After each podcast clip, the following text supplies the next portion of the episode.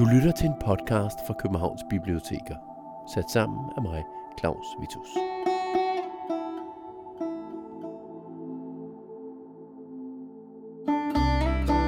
Normalt handler podcasten Månedens Forfatter om en aktuel forfatter, der taler om sin seneste bog.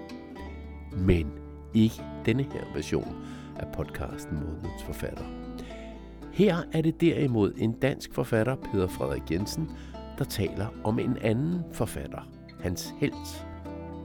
Og helten og dermed hovedpersonen i denne podcast er den norske forfatter Kjeld Askildsen. Podcasten er baseret på et foredrag på Københavns Hovedbibliotek fra november 2021 med titlen Noget om helte, og Kjeld Askildsen var død en måned før foredraget, 92 år gammel. Peter Frederik Jensen tog udgangspunkt i bogen Hundene i Thessaloniki, men havde også taget mange af Askildsens andre bøger med. Det skal du nok få lov til at høre mere om lige om lidt. Men inden jeg overlader ordet til Peter Frederik Jensen, så lige lidt om ham. Han er født 1978, debuteret med romanen Her står du i 2007. En roman, der handlede om den arbejdsløse Adam og hans forsøg på at ja, i virkeligheden finde ud af kærligheden og familielivet. Og det samme tema fortsatte i kortprosabogen Udsigter fra 2011 af Peter Frederik Jensen. Senere kom romanen Læretid 2012, som handler om læretiden for en ung bådebygger, fordi Peter Frederik Jensen selv er uddannet som bådebygger. Senest har han i 2022 lavet udstillingen Danske Landskaber sammen med fotokunstneren Jakob Hunosø. Det var så lidt om Peter Frederik Jensen, men nu til hans helt, hans helteroman, Hundene i Thessaloniki, og Peter Frederiks foredrag Noget om helte. Alt sammen handler om Kjeld Askildsen.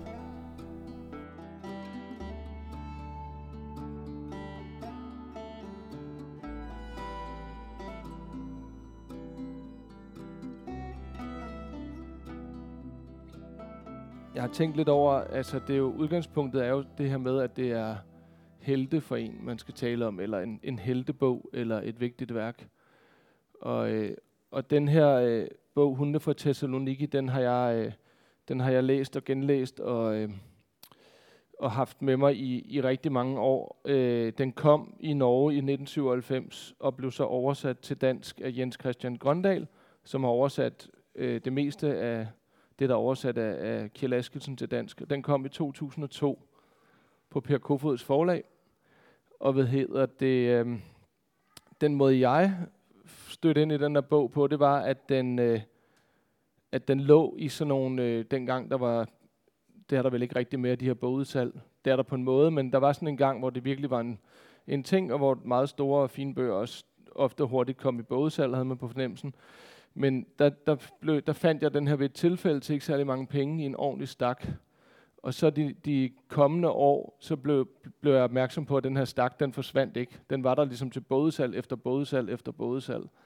Og jeg tænkte, der er godt nok blevet lavet mange øh, øh, hunde fra Thessaloniki øh, i, i det oplag der. Det er sikkert, jeg tror, det er det første, første oplag. Så den har nok ikke solgt det, som øh, den kære Per Kofod øh, havde regnet med. Men pointen var, at den lå jo der og fristede, og jeg synes, at den var vigtig at videreføre til andre mennesker. Så jeg, jeg har købt en del af de der fra den stak der og givet videre. Og øh, jeg har ikke noget klart svar på, hvad det var, der, øh, hvad, der, hvad det var, der ramte mig, da jeg læste den her bog. Men man kan sige, øh, på det tidspunkt, der gik jeg selv på, øh, jeg tror, jeg har fået, fået, fået fingre i den enten lige inden eller lige omkring, jeg gik på forfatterskolen. Og jeg var meget optaget af selvfølgelig at, øh, i virkeligheden at lære at skrive igen. Man regner med, at man kan skrive, men noget af det, jeg synes, man lærer derinde, det er jo i virkeligheden at lære at skrive en gang til, eller lære at læse med en eller anden form for, for nyt og, og klart blik. Og, øh, og jeg tror, jeg i den periode i mit liv opbyggede en ret sådan stor, øh, øh, øh, hvad skal man sige, øh, ret stor, et ret stort behov for at kunne gennemskue øh, sætningerne og kunne lave præcise sætninger og skrive meget præcise sætninger. Og, og det er jo blev næsten sådan en fetish for mig. Jeg kan huske, at jeg købte en cykel, som, øh, som jeg... Øh, simpelthen, den var så nedbarberet, den cykel. Altså, det var bare et stel med to hjul og et lige styr. Og på samme måde som, som, øh, som, som de, de bøger, jeg godt kunne lide at læse, de var ligesom også bare bøger, hvor rigtig meget var skrabet ind til den klare funktion, eller til den klare, øh, rene skrift. Øh, og, øh, og det synes jeg, at Kjell Askelsen, han på en eller anden måde øh, bemestrer det her enormt præcise. Der er ligesom det, der skal være, ligesom på min cykel, der var det, der skulle være, for at man kunne cykle på den. På samme måde synes jeg, der er det i den her bog, for at man kan læse den, og ikke øh, noget dødt kød, eller ikke, ikke sådan, der er ikke noget overskud, øh, som, som er unødvendigt. Og det ses jo selvfølgelig også på, at, at bogen er forholdsvis kort, og alligevel er en bog, man kan blive ved med at læse i, i nu for mit vedkommende 15 år. Øh, ja. Altså, øh, til dem af jer, der ikke kender Kjell Askelsen, så, øh, så kan man jo selvfølgelig også lige øh, introducere ham lidt bedre. Han er døde i år og blev 93. Og han øh, kom fra Norge, han var nordmand, og han var en, øh, en sådan en, øh, jeg ved ikke om man kan kalde ham en forfatter-forfatter, men han var i hvert fald sådan en, som jeg, der er rigtig mange, der skriver, der har læst ham, og hvor han har været vigtig for dem. Og det tror jeg har noget at gøre med den her præcision, og noget at gøre med den her prægnans, og noget at gøre med, at han, han er sådan en mester. Altså det er sådan, det er lidt ligesom at, at, at se nogen, der kan lave øh, virkelig smuk mad, der også smager enormt godt. Altså der er sådan en fuldendthed over noget af det, han laver, som jeg tror inspirerer mange, der skriver, fordi at, at man bliver ligesom fascineret af, at han kan tage de her valg, at han kan skrive så præcist, og han kan skabe sådan nogle enormt store rum, der i virkeligheden bare foregår i en stue, eller et hus, eller i en have. Der er ikke særlig meget øh, verden, men der er enormt meget eksistens, og der er enormt meget på spil, og enormt meget alvor i hans ting. Men, men altså, øh, han skrev jo, øh, han debuterede øh, i øh, en eller anden gang i 50'erne, tror jeg faktisk, altså, eller, ja, og har så skrevet en, øh, en forholdsvis, øh, hvad skal man sige, når man, når man ser på mange andre forfatterskaber, så fylder hans samlede forfatterskab ikke særlig meget. Sådan i volumen, det er ikke særlig store bøger, nogen af dem, men han, han begiver sig ligesom aldrig op i store formater. Det er meget sådan 100 sider til 150, og det er meget ofte noveller. Rigtig meget af det, han har skrevet, er noveller. Jeg vil tro, det er det, han ligesom er blevet kendt for. I hvert fald, hvis man kigger ud i verden, så så er det hans, øh, så, så er det sådan, så er det sådan som en, en øh, novellens mester, og at han bliver ligesom, det er sådan, han bliver vurderet og læst, vil jeg sige. Øh, og hans, øh, der er for meget tidligt i hans bøger, og også i hundene i Thessaloniki, en, øh, et, øh, meget ofte nogle øh, karakterer, meget ofte nogle mænd, som øh, på en eller anden måde ikke kan interagere med den verden, de er i. De kan ikke komme ordentligt i kontakt med de mennesker, de har omkring sig. Og så er der altid et ret stort opgør med, med øh, det religiøse, fordi Kjell Askelsen kom fra en meget øh, pietistisk øh, religiøs baggrund i Norge, som han tidligt i sit forfatterskab tog et opgør med i hans debut. Der beskriver han i sine noveller der på det tidspunkt nogle, for eksempel nogle homoerotiske erfaringer og sådan nogle ting, som helt klart ikke passede ind i, den, i det miljø, han kom fra. Så der er også altid et meget stort opgør med, øh, med ligesom hans fortid og med hans barndom, og med sådan en meget øh, bibeltro øh, måde at fortolke øh, troen på, som, øh, som i, i mange af hans tekster går igen som sådan en, en vrede over det, han kalder overtro. Altså for eksempel er der, han har en gennemgående karakter i sit forfatterskab, som som altid, når det ringer på døren, tænker, gad vide, om det nu er nogle af de her nye hellige, der, der hele tiden vil sælge et eller andet til mig. Så der er sådan et, der er, der er altid noget på spil i forhold til det her med, at, at hvad skal man sige, der er kun den verden, vi ser, der er kun det vilkår, vi befinder os i, der er ikke andet end det. Og det er jo virkelig en enormt hårdt, jo, faktisk. Så hans tekster er enormt hårde, og altså hans tema er jo distance, og det er, det er noget med altid at skjule sig for hinanden. Øh, i, øh, i, i titelnovellen til den her Hunde fra Thessaloniki, der, øh, der, øh, der, der øh, sker der blandt andet det her øh, på side 1, øh, hvor der står, gennem den åbne verandadør hørte jeg Beate Nønne. Hun har selvfølgelig hørt vejrudsigten, tænkte jeg. Jeg gik ned i haven igen og om på den anden side af huset, hen til postkassen ved siden af den sorte smedjernslåge, og så videre, og så videre, og så videre. Og så går han lidt rundt ude i haven, og så siger han, øh, og så, så forsøger, så sørger han hele tiden for, at hun ikke ser ham. Altså i hele, hele den her tekst bygger op omkring, at de, har, de er i det her hus, de her to mennesker, og så hver eneste gang, at der er ved at være en kontakt, så glider han af, og så går han ligesom ud i havens periferi, og så er det hele tiden det her med, ser hun, at jeg står her, eller ser hun ikke, at jeg står her? Og det er på en eller anden måde, øh, når man læser den her bog, men også mange af hans andre tekster, så går det igen hele tiden det her med, at der er en hovedperson, der hele tiden overvejer, hvordan mennesker ser på hinanden. Hvad det er, man ser, når man ser hinanden. og jeg synes, der er et eller andet øh, helt afgørende med det her øh, blik i den her tekst, hvor, øh, hvor manden han kan simpelthen ikke holde ud, eller han kan, ikke, han, kan ikke holde, han kan simpelthen ikke holde relationen ud, han kan ikke holde situationen ud, men han kan heller ikke holde ud og forlade den. Så derfor så går han ligesom rundt i tekstens periferi hele tiden. Han går hele tiden rundt og rundt og rundt om det centrum, som, som er teksten på en eller anden måde. Og da jeg sådan begyndte at, at se det billede, så, øh, så kom jeg til at tænke på, at, øh, at måske er det det, der hele tiden sker, når man læser Kjell Askildsens tekster i forhold til mange andre ting. Det er mange andre tekster, det er, at, at han laver ligesom et, der er altid et sted, som kan være et hus tit, eller en lejlighed, eller et rum. Det er meget ofte defineret meget klart, og så kan personerne godt forlade det. Altså, øh, en af karaktererne kan godt køre ud i byen og komme tilbage igen, men selve grundscenen er altid sådan et, øh, et defineret sted. Og så rundt om det, der ligger ligesom alle, der ligger forhistorien. Så det er nærmest som om, at, at der danner sig sådan en cirkel rundt om de her stakkels karakterer, der er inde i den her tekst, og så kan de ikke bryde ud gennem den cirkel. Så det er nærmest som om, at, at teksterne altid foregår inden i et meget lukket rum, som bliver helt vildt klaustrofobisk. Og det er noget af det, der, der øh, jeg synes er fascinerende, det er det her med, at, at man har sådan en, en fornemmelse af, at teksterne tematiserer meget ofte relationer mellem søskende eller ægteskab, og så, og så det her med, at altså alt det, det, man er bundet til, de relationer, man er bundet til, og som man ligesom på en eller anden måde er uundgåelige for en, dem sætter han så ind i sådan nogle cirkler, hvor de ikke rigtig kan, karaktererne kan sgu ikke rigtig komme væk.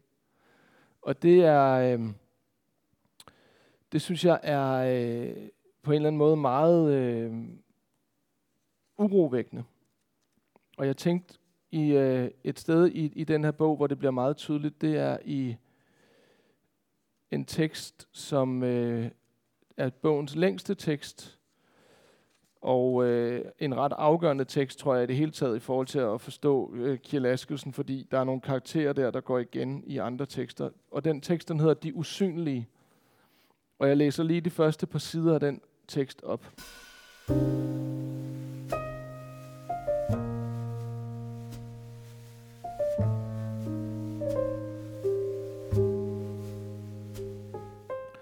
Da Bernhard L. kom tilbage til sit barndomshjem for at deltage i sin fars begravelse, gav Majeren ham et ret klodset knus. Det var en varm eftermiddag, og hun havde store fugtige pletter under armhulerne. Du kom altså, sagde hun. Han sagde, at han var træt efter rejsen, og at han gerne ville skifte. Hun havde gjort kvistværelset i stand til ham. Vinduet stod åbent, og sollyset strømmede hen over gulvet. Han klædte sig helt af og lagde sig på sengen. Han tog på sig selv og prøvede at fremmane det fantasibillede, der havde pirret ham så voldsomt i den trange togkopé, men det lykkedes ikke. Så hørte han, at Marion kom op ad trappen, og han klædte sig på. Der kom lyde ind gennem vinduet fra gaden udenfor. Marion gik ned ad trappen igen. Han åbnede døren til klædeskabet og hængte den sorte habit på en bøjle. Da han lidt senere gik ned til Marion, sad hun i stuen og græd. Han gik ud fra, at hun ikke havde hørt ham komme, men han var ikke sikker, for hun så ud som om, han havde overrasket hende i at gøre noget forkert.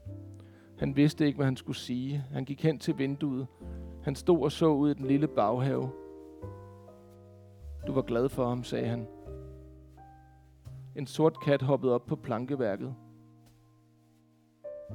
Jeg burde have været sødere mod ham, sagde hun. Det var jo dig, der tog dig af ham, sagde han. Katten hoppede fra plankeværket op på taget af det gamle cykelskur. Hun sagde, han kunne være så, men han havde jo smerter. Nogle gange ønskede jeg næsten. Jeg fortryder sådan. Han tændte en cigaret. Jeg troede jo ikke, at han ville dø, sagde hun. Han spurgte, hvordan det var sket. Det tog et stykke tid, før hun svarede. Han slog asken af i den ene urtepotte. Han sad i den stol, sagde hun. Jeg var ude i køkkenet. Han sagde, at jeg skulle komme og læse avisen for ham. Jeg svarede, at jeg stod midt i middagsmaden. Han sagde, at han ikke var sulten, men det jeg, sagde jeg. Så var der stille et stykke tid. Så sagde han, kommer du snart? Jeg svarede ikke. Jeg var gal på ham. Lidt efter råbte han mit navn, eller sagde det. Han råbte i hvert fald, han råbte i hvert fald ikke særlig højt. Men jeg gik først derind to-tre minutter senere, og der var han død. Bernhard så sin far for sig, men han følte ikke noget. Marion begyndte at græde igen. Han så sig om efter et askebær for at slukke cigaretten. Han gik ud i køkkenet og smed den i vasken. Så drak han et glas vand. Det ringede på døren. Marion bad ham om at lukke op. Det var en kvinde. Hun så på ham og sagde, du må være Marions bror. Ja, sagde han. Hun gik foran ham ind i stuen. Marion var der ikke. Han tænkte, at hun måtte være gået ud i køkkenet for at få gråden til at holde op. Kvinden gav ham hånden, den var klam, men han syntes ikke, det gjorde noget. Camilla, sagde hun. Bernard, sagde han. Nu skal jeg finde Marion. I det samme kom hun ind. Han stod lidt og så på dem. De var på alle synlige måder så forskellige, at han ikke forstod, hvad de havde med hinanden at gøre. Camilla stod med ryggen til. Tøjet sad stramt om hendes krop. Han tænkte, har Marion ikke forstået, at hun bare bliver brugt? Øjeblikket efter skubbede han tanken fra sig. Camilla vendte sig mod ham og sagde noget. Han svarede. Hun smilede og slog blikket ned. Hun arbejder i en butik, tænkte han. Marion sagde en halv sætning og gik ud i køkkenet. Han åbnede et vindue. Sid ned, sagde han. Hun satte sig ned.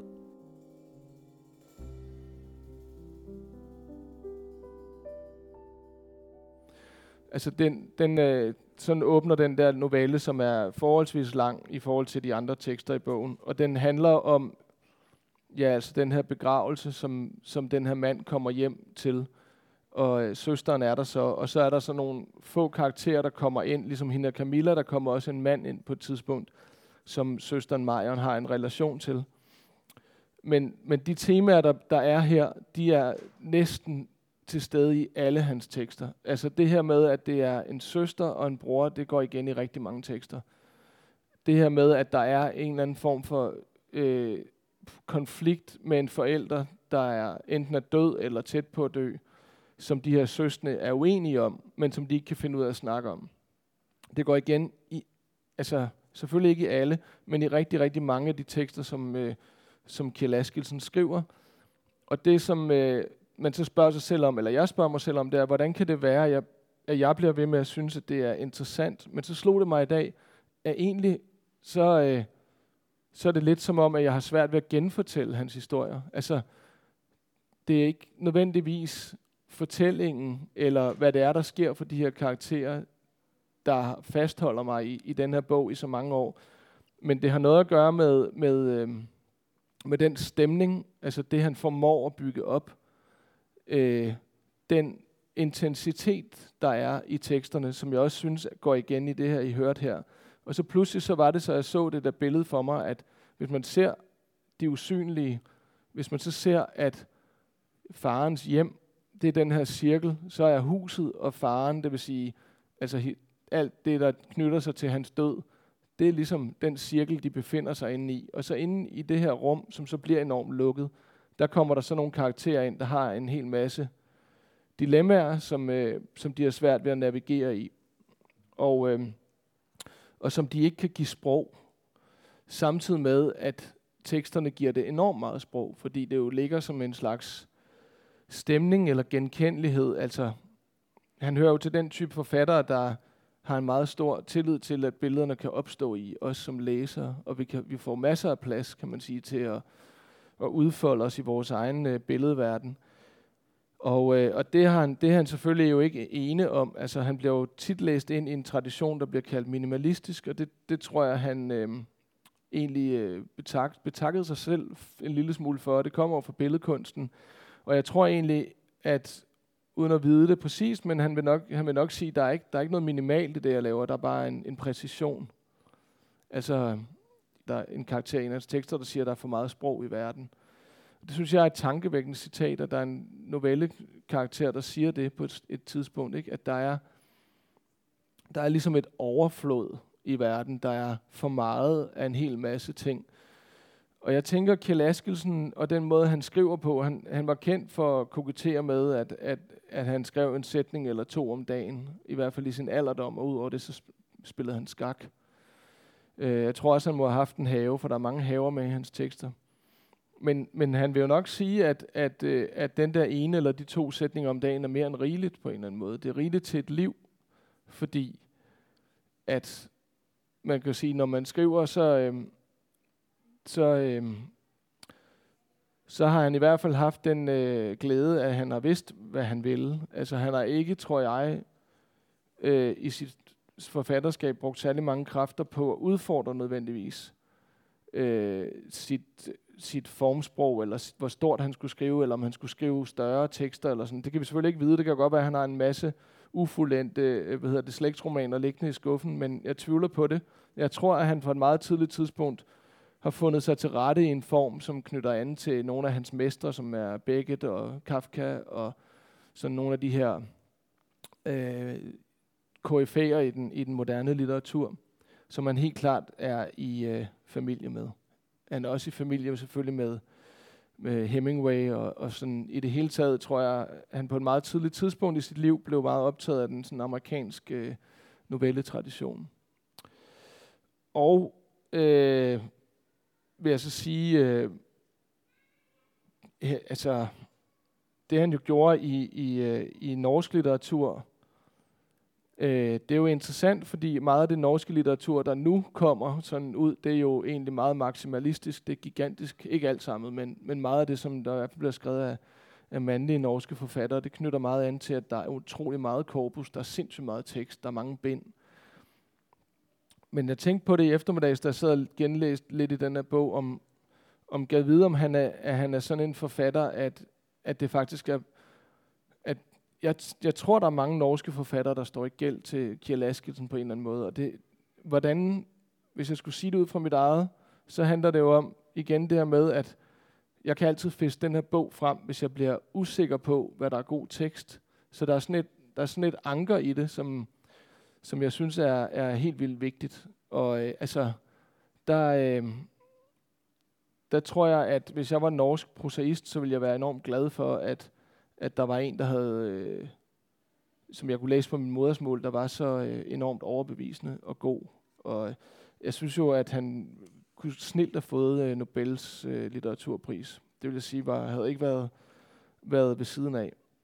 Men der skete måske det i hans forfatterskab, at, at jeg tror lidt, hundene Thessaloniki på en eller anden måde at, er sådan et, en meget, meget vigtig bog i hans forfatterskab, fordi han skriver jo selvfølgelig, for han er meget ung, og han skriver ind i den her måde, den er fortættet form for ret tidligt.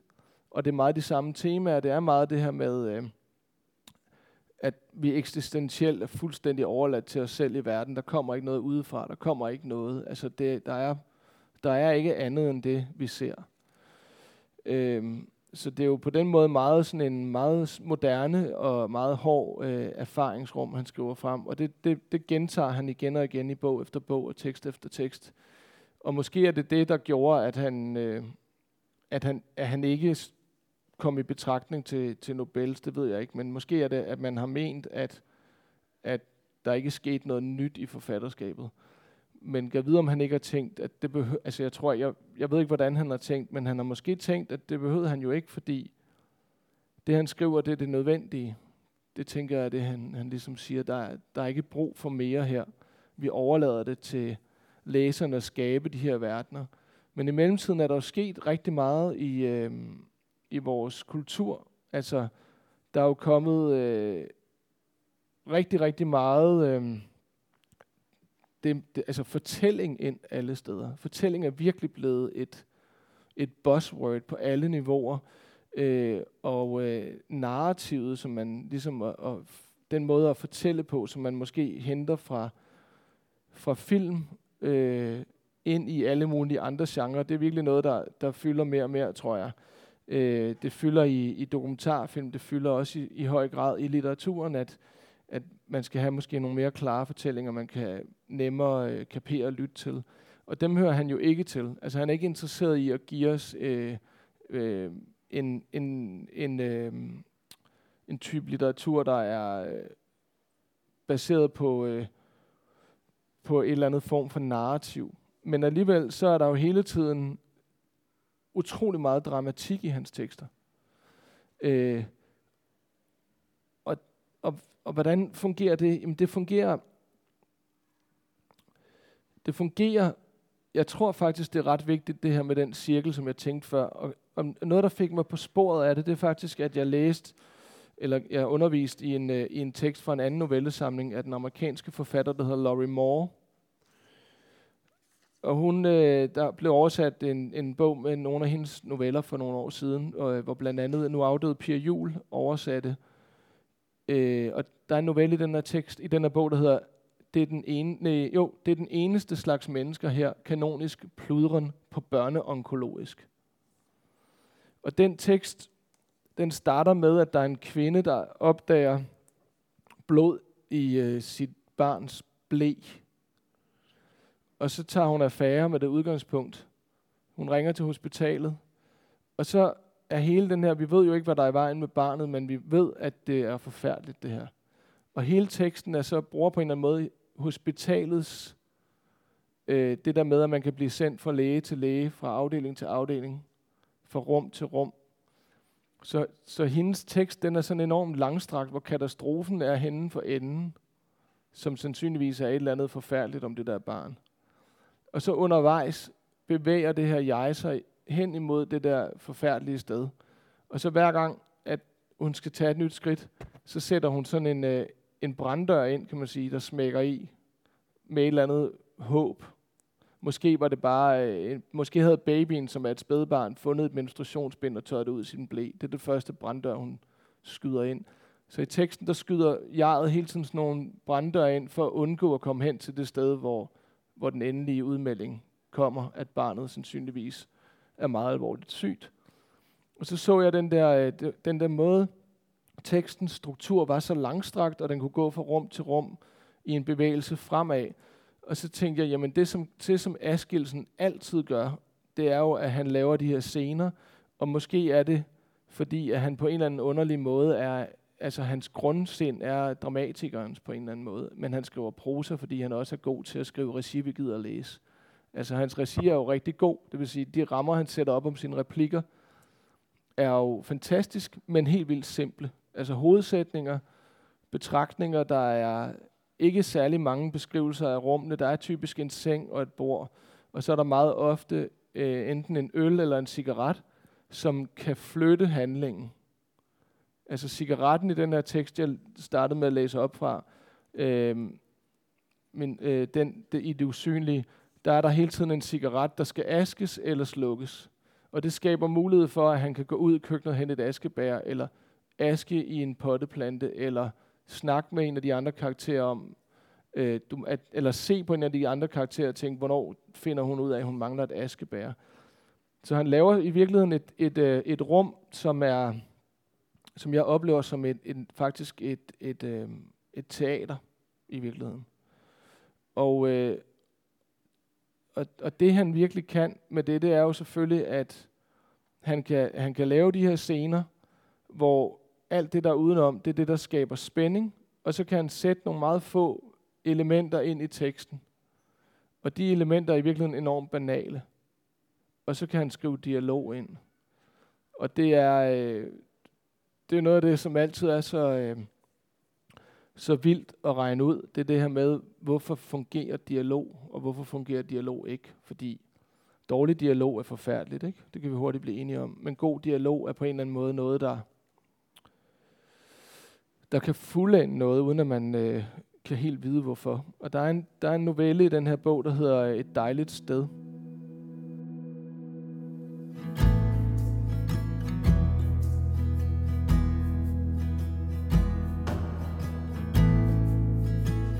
Kører du ikke lidt hurtigt, sagde hun. Nej, sagde han. Lidt efter drejede han af fra hovedvejen og ind på den smalle og snodede nedkørsel til fjorden. Hvor jeg har blevet grøn siden sidst, sagde hun. Ja, sagde han. Vejen er ligesom blevet smallere, sagde hun. Jeg kører ikke hurtigt, sagde han. Lige før de kom til den store E, hvor han plejede at stille bilen, sagde hun, at hun kunne mærke, at alt ikke var, som det skulle være. Det plejede hun at sige, når de nærmede sig sommerhuset, og han svarede ikke. En gang får hun måske ret, tænkte han. Han parkerede bilen. Han hjalp hende med at få den letteste rygsæk på. Begynd bare at gå, sagde han. Jeg venter på dig, sagde hun. Jeg indhenter dig, sagde han. Han indhentede hende halvvejs nede af det stejle tilgroede julespor. Hun stod og ventede på ham. Er den tung, sagde han. Nej, sagde hun. De gik videre. Efter et par minutter kom huset til syne under dem. Han sakkede bagud. Hun plejede altid at gå forrest de sidste meter. Hun skubbede ledet op. Så sagde hun, der har været nogen. Ja vel, sagde han. Jeg lagde en sten på ledestolpen, sagde hun, og den er væk. Ja ja, sagde han. Så er der vel nogen, der har taget den. Var der noget specielt ved den? Nej, sagde hun. En almindelig sten. Han skubbede ledet i efter sig. Jeg kan ikke lide, at der har været nogen, sagde hun. Han svarede ikke. Han så, at æbletræet stod i blomst. Se æbletræet, sagde han. Ja, sagde hun. Er det ikke smukt? Hun var kommet hen til døren. Hun tog rygsækken af. Han gik hen til hende satte bæreposerne ved siden af hendes rygsæk og tog nøglen op af lommen. Åbner du, sagde han. Du gør det, sagde hun. Han låste op og gik indenfor. Han satte rygsækken fra sig på køkkengulvet og fortsatte ind i stuen. Han åbnede et vindue og blev stående og så ud over fjorden. Hun kaldte på ham. Han gik ud til hende. Vil du ikke være sød og hejse fladet, sagde hun. Nu, sagde han. Jeg kan godt lide, at folk kan se, at vi er her. Han så på hende, så tog han bæreposerne og gik ind igen. Han hentede fladet i kommodeskuffen i gangen.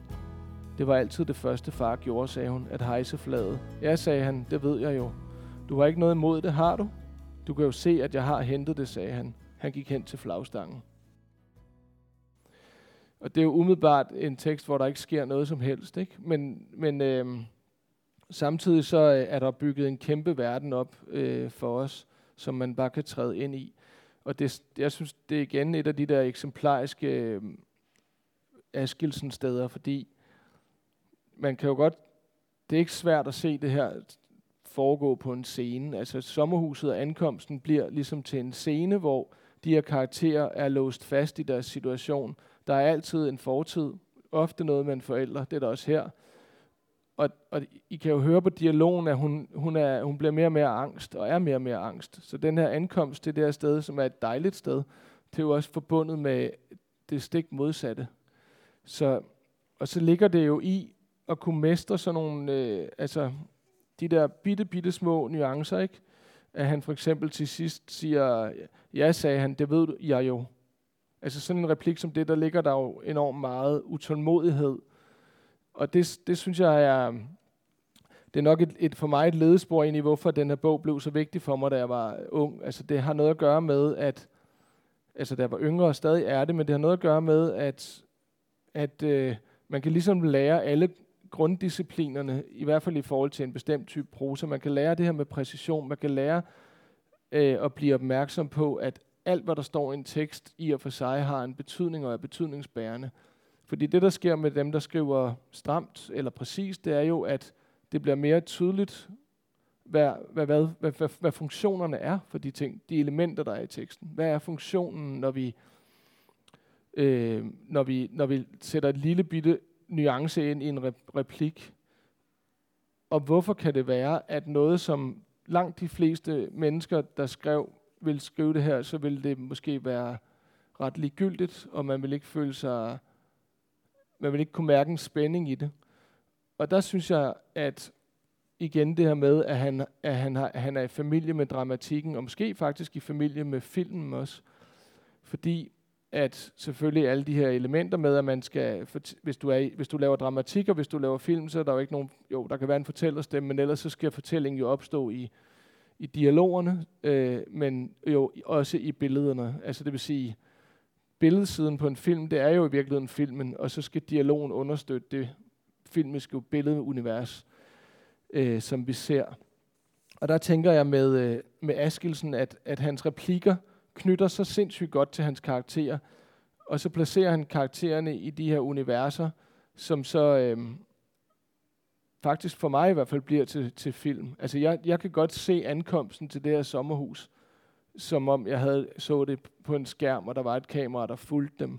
Jeg synes, det bliver øh, næsten sådan en slags øh, et øje, som er lige øh, enormt tæt på, og det øje, det, det er hele tiden nødt til at følge øh, en af karaktererne, øh, fordi intensiteten ligger der, og så lige pludselig så gør de noget, altså de asker en cigaret, eller de siger et eller andet og det, altså, grunden til, at jeg er så optaget af den der bog, det har med det at gøre. Det, det, det, at læse den, det, det har lært mig noget om præcision, og så har det lært mig noget om, at, øh, at man kan lægge utrolig meget øh, historie og drama ind i, øh, ind i en tekst, hvis man får etableret de helt rigtige rammer.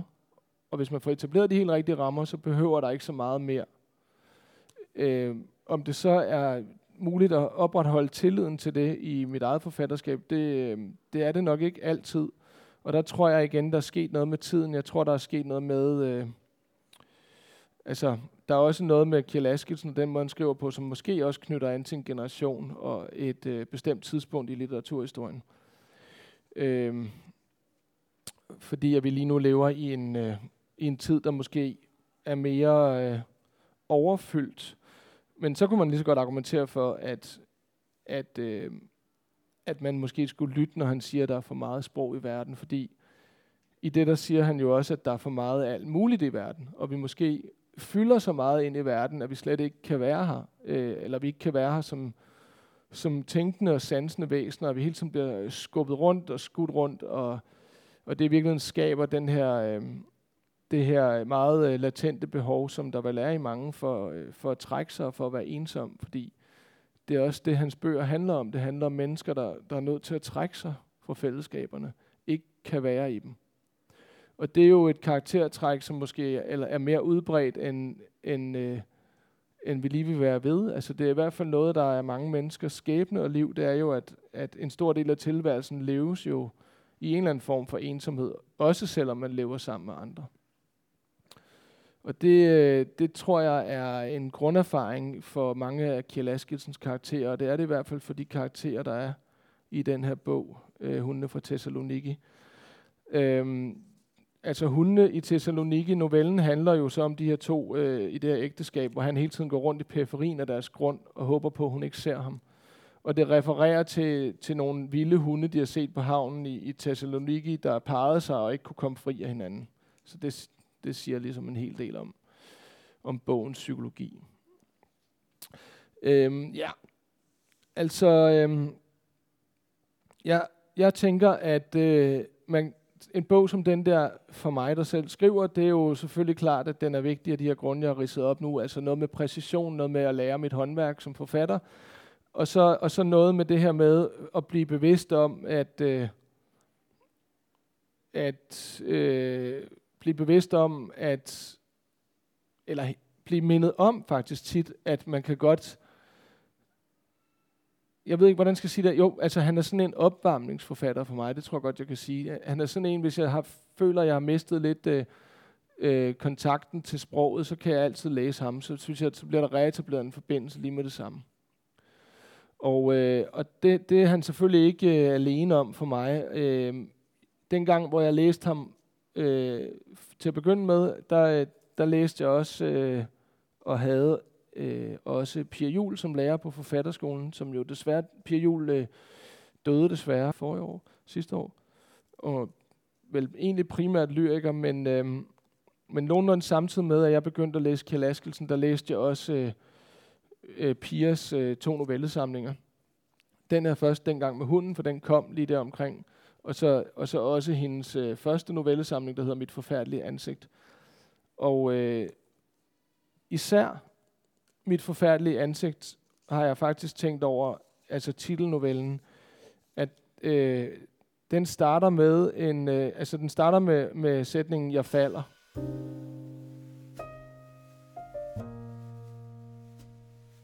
jeg falder. I det mit ansigt farer forover ned mod gulvet, når jeg bliver rasende. Ikke på nogen, bare rasende. Jeg kan ikke tage fra i faldet, for mine hænder er inde i en pose, og posen er lynet. Hvad laver jeg her? Hvordan er det kommet så vidt? Et er, at den løsluppenhed, jeg har øvet mig så meget i de senere år, er blusset særligt voldsomt op i nat, men at jeg overhovedet befinder mig et sted, hvor jeg skal sove i en pose med lynlås. Hvad foregår der her? For et øjeblik siden hoppede jeg syngende gennem rummet, og nu jeg falder. Jeg bliver liggende med ansigtet i brædderne. Der er blevet helt stille bag mig. Jeg kan ikke mærke noget. Jeg ved ikke, hvordan jeg skal få mig vendt. Men jeg tænker klart nu, og jeg skal se at få mig rejst op. Jeg må ud af denne pose, og jeg skal have rejst mig med værdighed på en eller anden måde, og ind under en bruser skal jeg, og så en taxa hjem i en forfærdelig fart, og aldrig se disse mennesker igen. Og så videre, så videre. Så der har, har vi også en karakter, der er i, altså bogstaveligste forstand fanget i et rum, hun ikke kan komme ud af. Hun er låst fast i en sovepose og har slået sit ansigt, fordi hun er faldet forover til en fest. Men det, der sker i teksten efterfølgende, det er, at der kommer en ambulance, og hun vil ikke ind i den ambulance. Og, og, og det, øh, teksten hele tiden siger, det er, de, at de andre ved jo ikke, hvorfor jeg ikke vil ind. Og der tænker jeg, at noget af det, der jeg i hvert fald øh, synes var vigtigt for mig i forhold til Pia Jul, som relaterer sig til Kjell Askelsen, og især til det hunde fra Thessaloniki, det er egentlig ikke noget, der går igen i hendes forfatterskab, men det er noget, der går igen i nogle af hendes tekster, hvor, hvor der ligesom er det samme desperate øh, situation for nogle hovedpersoner, der ikke tør at lade omverdenen se, hvad det er, deres liv har indeholdt. Altså, der er en eller anden form for blufærdighed, som, øh, som en blufærdighedsgrænse, som, øh, som vi i vores interaktion med hinanden ofte overskrider. Og den sensitivitet, synes jeg, at teksterne har i Hundene fra Thessaloniki. Der er hele tiden det her med, hvor går min grænse? Hvornår bliver min grænse overtrådt? Hvornår overtræder jeg andres grænse? Og i den her tekst, Mit forfærdelige ansigt, der synes jeg, det går igen øh, i, en, i en dansk kontekst, i en dansk tekst, fordi det her jeg har jo selvfølgelig en dybt traumatisk oplevelse, der gør, at hun ikke vil en ambulance. Og, og, øh, og så skriver øh, teksten det frem. Det starter med at være en grød, hvor man ikke rigtig forstår, hvorfor. Og så langsomt så, så træder konturerne frem af en ulykke, som jeg har, har været ind, indblandet i. Og da jeg, da jeg læste, genlæste det her i, i øh, dag faktisk, så, øh, så tænkte jeg, jamen her har vi måske øh, et billede på den samme sådan psykiske tilstand, som måske er, nordisk eller skandinavisk, og som har noget at gøre med en eller anden form for indelukkethed. Og egentlig er det jo ikke sådan, piger skriver jo egentlig anderledes end Kjell Askesen, øh, fordi at hun øh, har slet ikke så mange tomme positioner. Der er slet ikke så meget tekst, vi selv skal regne ud. Og det er også ofte meget sjovt og meget... Øh, Øh, der, der er meget livsglæde øh, faktisk i, i hendes tekster, men lige under, så er der ofte den her sådan, øh, ja faktisk blufærdighed, eller generthed, eller tilbagetrukkenhed, som måske er et, er et karaktertræk ved nogle forfattere.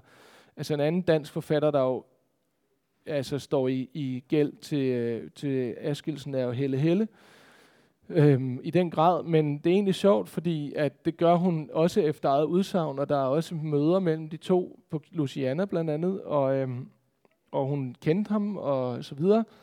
Øh, men, øh, men egentlig synes jeg, at når man læser hendes ting, så er det så er, det, så er det på en måde lidt sværere faktisk at se, ud over at hun skriver super koncentreret og præcist, og alt det her det er meget prægnant, så, så det faktisk, når jeg læser hende, så synes jeg, at der er, der er egentlig lidt længere, end man måske nogle gange vil gætte på. Og det, det måske falder det os lidt i pinden der med, at hvis folk skriver præcist og stramt, og det man kalder minimalistisk, jamen så må de være i familie med hinanden. Men jeg synes, at, øh, at Askelsen er særlig, fordi han har, øh, han har det her, som øh, at hans tekster bliver til, til scener, hvor der så udspiller sig nogle, øh, nogle dramaer, der, der har de samme temaer altid. Og jeg ved ikke rigtig med Helle, om, om man kan sige det nødvendigvis. Jeg synes, hun er mere, hun er mere eksperimenterende i virkeligheden, og mere, øh, der er mere øh, leg. Kjell Askelsen er en, er en åbenlys øh, skakspiller, tror jeg. Altså, jeg tror, at det, han har elsket ved skakspillet, har været det samme som det, der går igen i hans tekster. Det her med, at at det er en eller anden form for, øh, for øh, altså det er, der er noget perfekt ved skakspillet, og hele måden, man spiller skak på, som jeg tror, han har været tiltrukket af, og som han overfører på sine tekster. Der er i hvert fald høj grad af perfektion, præcision, seriøsitet, alvor, og øh, ja, det er ikke nødvendigvis øh, den store fest at læse Gjell Askelsen. Øh, men det, det er til gengæld ekstremt lærerigt, hvis man gerne vil, vil beskæftige sig med, hvad der ligesom er grundstenene.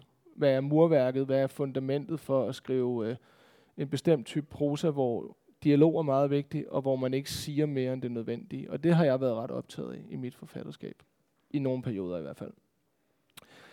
Og jeg øh, kan selvfølgelig ikke sige andet, end at jeg synes, at man skal øh, få øh, Københavns Biblioteker til at købe en hel masse eksemplarer af, af, af bogen, hvis man kan skaffe den. Det kan man sikkert ikke mere. Men, øh, men ellers så, øh, så kan jeg anbefale, at man køber øh, Davids bror, der udkom sidste år, som er en, en nyoversættelse af en roman, der udkom i Norge i hvad? Det må alligevel være en del år siden. I 57.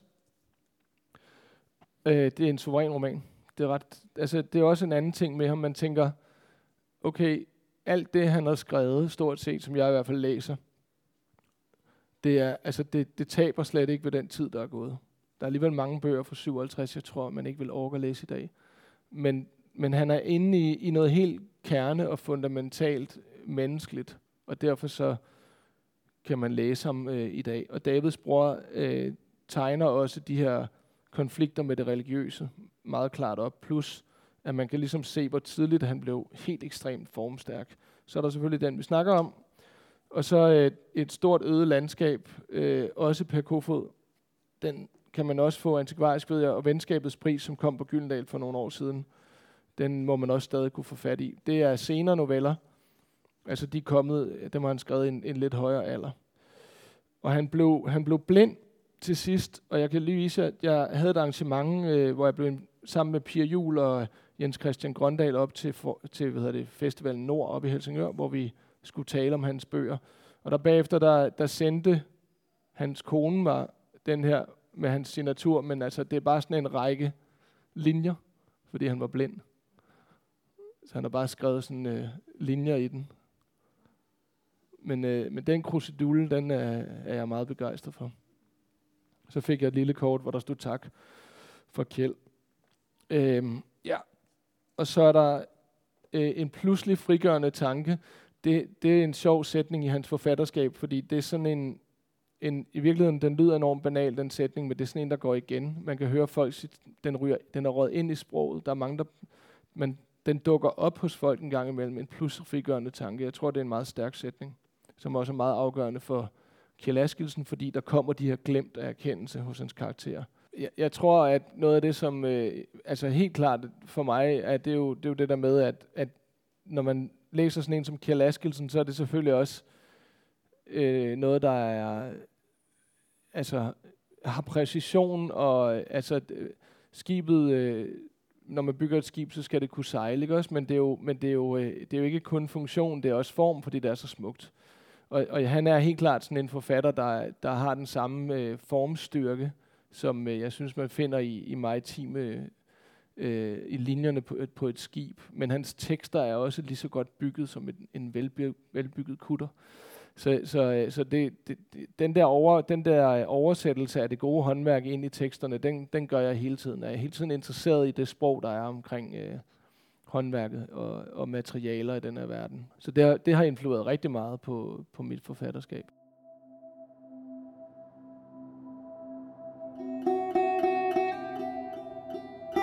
Og det sagde forfatter og bådebygger Peder Frederik Jensen om sin skrivehelt, den norske forfatter Kjeld Askildsen. Jeg ved hæfter en litteraturliste til denne her podcast, hvor du så både kan finde bøger af Kjeld Askildsen og Peter Frederik Jensen, så kan du selv læse videre. Der er også masser af andre podcasts at finde i serien Månedens Forfatter, og også i de andre podcasts, som vi laver her på Københavns Biblioteker. Musikken i baggrunden er Mountain Air af Cody Francis. Du hørte også hans komposition It's Been So Long, og en videre Seven Falls af Hara Noda. Jeg hedder Claus Vitus. På genhør og tjek i øvrigt lige kalenderen på vores hjemmeside eller på Facebook for de næste arrangementer i rækken af månedens forfatter. Der er gratis adgang på biblioteket. Altid. Til både bøger og arrangementer.